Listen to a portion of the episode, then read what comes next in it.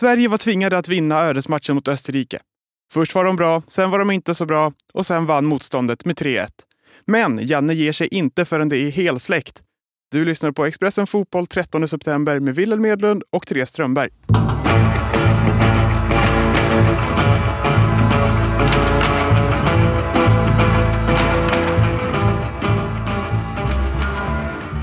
Så sa Janne Andersson, Therese. Han ger sig inte förrän det är helsläckt. Nej, och det är det ju faktiskt inte än. Även om alla vet att det är över så är det ju inte matematiskt över. Det finns ju en liten, liten möjlighet att eh, Sverige vinner alla sina matcher och eh, Belgien och eller Österrike bara tar en poäng är det va, de får ta för att eh, det här ska gå vägen för Sverige. Så det är klart att re rent matematiskt kan man ju välja att se på det som att möjligheten finns. Eh, men, men logiskt så vet man ju att den inte finns. Det är sju poäng upp och det finns nio poäng att spela om, så det ser onekligen knepigt ut. Ja, så är det verkligen. Och det här är ju en situation som det svenska landslaget har försatt sig långt innan den här matchen, om man säger så. Eh, spelarna var ju ute och pratade med oss eh, igår efter matchen och många av dem menade ju på att nu har vi ändå gjort ja, men i både matchen mot Estland och också den här matchen eh, i första halvlek åtminstone liksom gett sig själva chansen på något sätt. Eh, och det känn, får man väl tolka det som att de kände att de inte har gjort tidigare under kvalet. Och det är väl det eh, man själv har pratat ganska mycket om också. Att, eh, att det har varit eh, kanske alldeles för fegt och alldeles för svagt. Ehm, så att, eh, eh, they had it coming så att säga. Men det betyder ju inte att det blir lättare att hantera för det det är lätt att säga att så här, det var mycket som pekade på att man skulle förlora den här matchen och så vidare.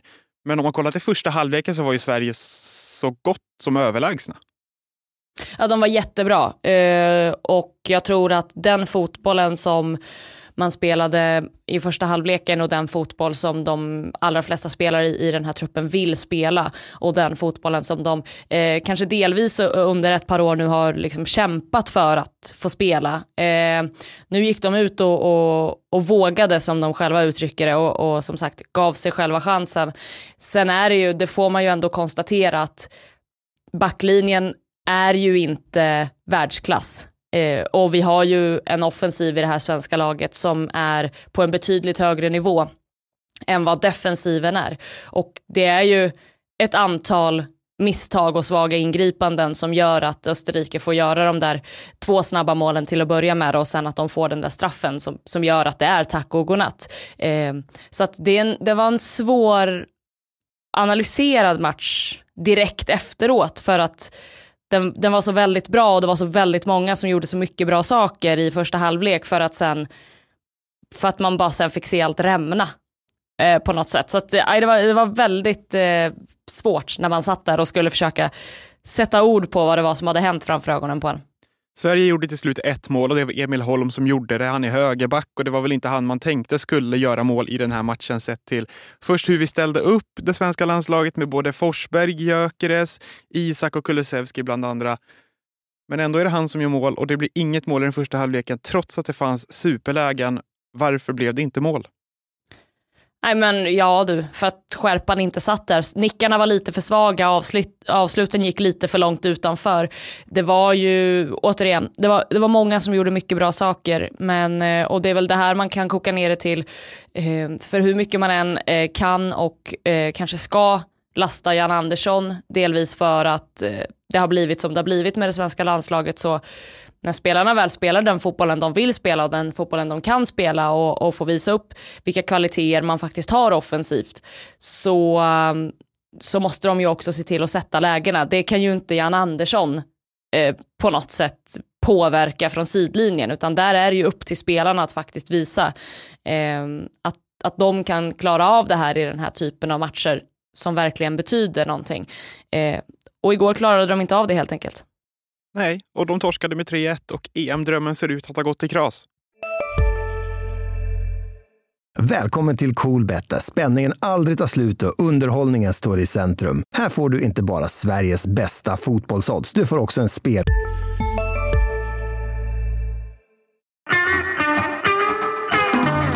Men om vi ser till hur det ska gå framåt nu då. Vi möter Belgien nästa samling. Det är en match som vi inte ska ta poäng i om man ser till liksom eh, chanser och eh, på förhand. Men spelar vi som vi gjorde i första halvlek finns det en möjlighet. Sju poäng på nio matcher, lever drömmen eller inte? Nej, alltså det är ju jättesvårt att sitta här och säga att den gör det med tanke på att som sagt, man gör, man gör en bra match mot Österrike men det slutar ändå som det gör. Eh, och att åka till Belgien borta då med det övertaget som de har, det, nej, jag, har, jag kan inte se det hända.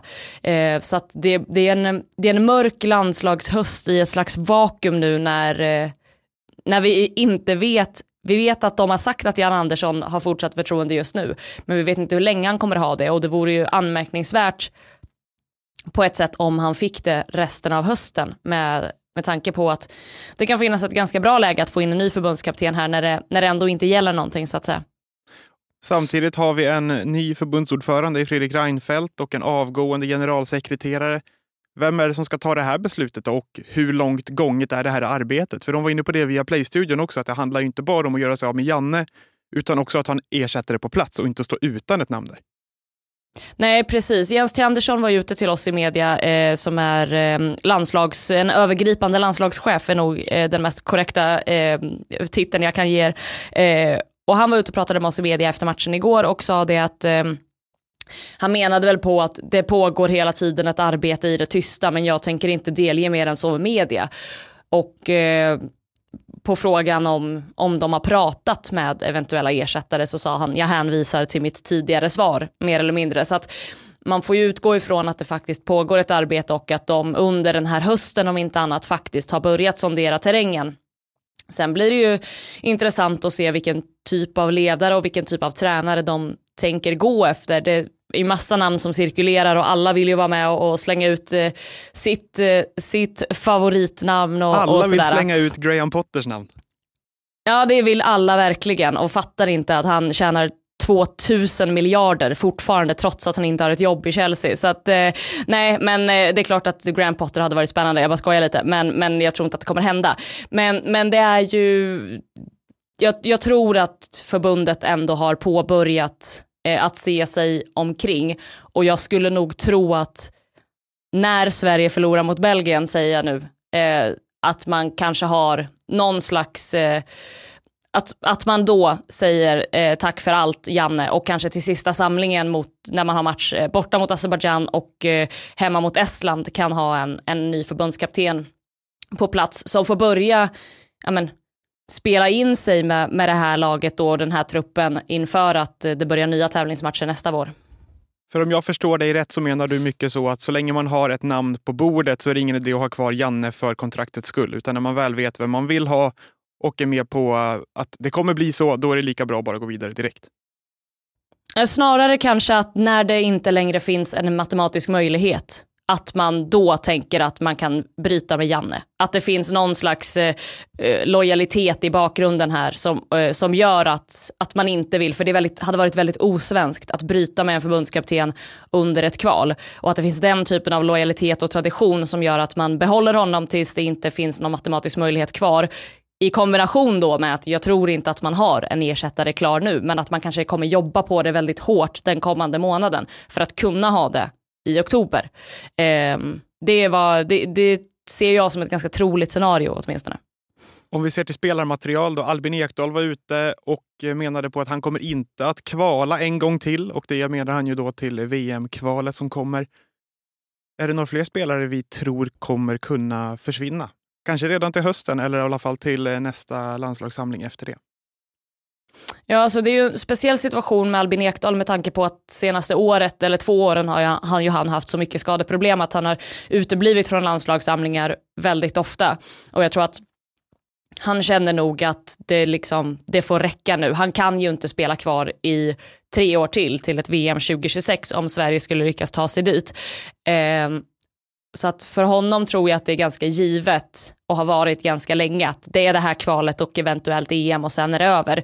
Pratade lite med Emil Forsberg om det där igår. Han är ju några år yngre och, och eh, i klart bättre fysiskt slag rent kroppsligt men spelar ju inte jättemycket i, i sitt klubblag. Eh, och, och det kan ju också ha då en, en påverkan i längden på hur, hur hans form beter sig och mår. Men Eh, men han sa det att så länge han känner att han kan bidra så vill han vara med.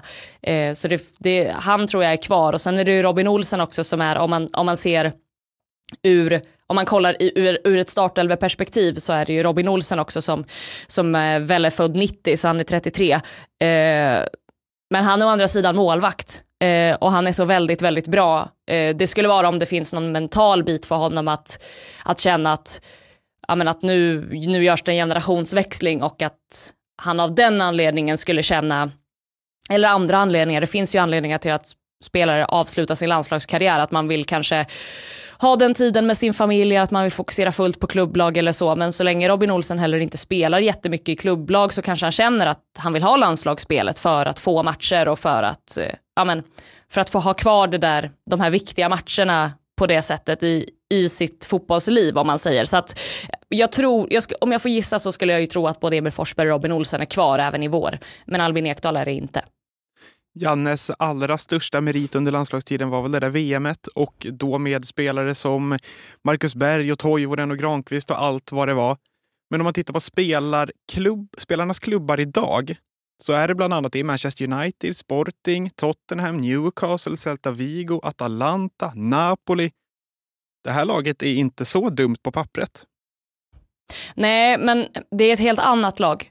Jan Andersson tog över ett lag där Zlatan hade slutat och Kim Källström hade slutat och, och, han skulle han fick någonting att lappa ihop på något sätt och Jan Andersson var extremt bra på det, att få ihop den gruppen, få dem att prestera, eh, överprestera delvis. Eh, och han och gruppen tror jag hade ett samförstånd om vilken fotboll de behövde bedriva för att, eh, för att göra bra saker. Sen har den truppen förändrats väldigt mycket genom åren. Eh, Jan Andersson har också senaste två åren och framförallt under förra året haft eh, enorma skadebekymmer i den här truppen. Och absolut, de representerar stora fina klubbar, men alla de här spelarna spelar inte alltid. De kommer till landslaget i tveksam form.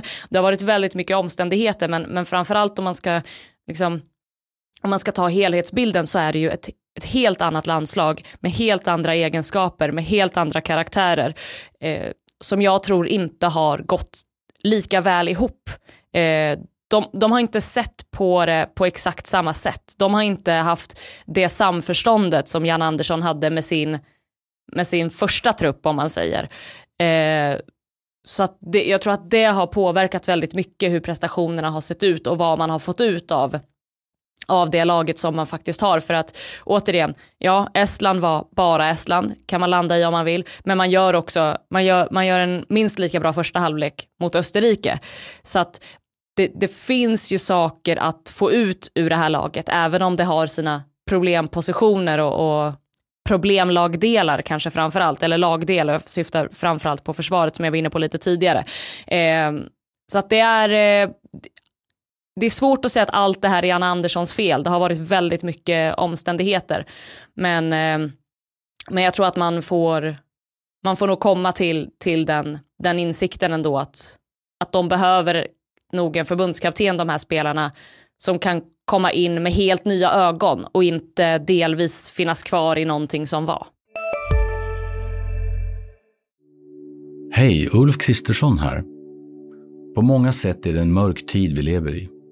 Men nu tar vi ett stort steg för att göra Sverige till en tryggare och säkrare plats. Sverige är nu medlem i Nato.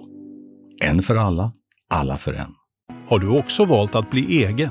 Då är det viktigt att skaffa en bra företagsförsäkring. Hos oss är alla småföretag stora och inga frågor för små. Swedeas företagsförsäkring är anpassad för mindre företag och täcker även sånt som din hemförsäkring inte täcker. Gå in på swedea.se företag och jämför själv.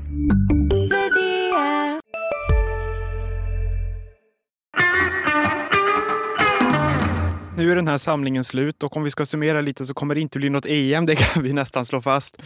Men hur ser framtiden ut då? Det är Nations League C-gruppspel nu och det känns lite deppigt i sig. Men det här laget ska väl kunna gå på en winning streak i den C-divisionen?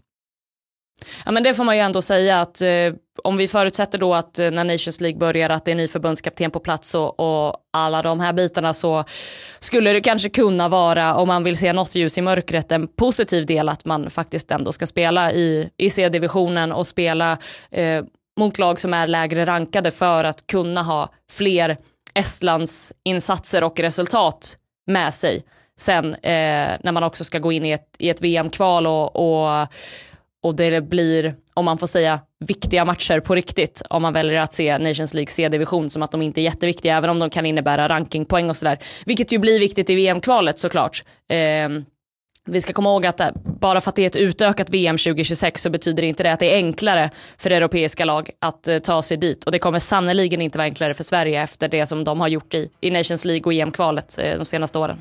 Så summerar vi den här landslagssamlingen. Expressen Fotboll är tillbaka redan imorgon.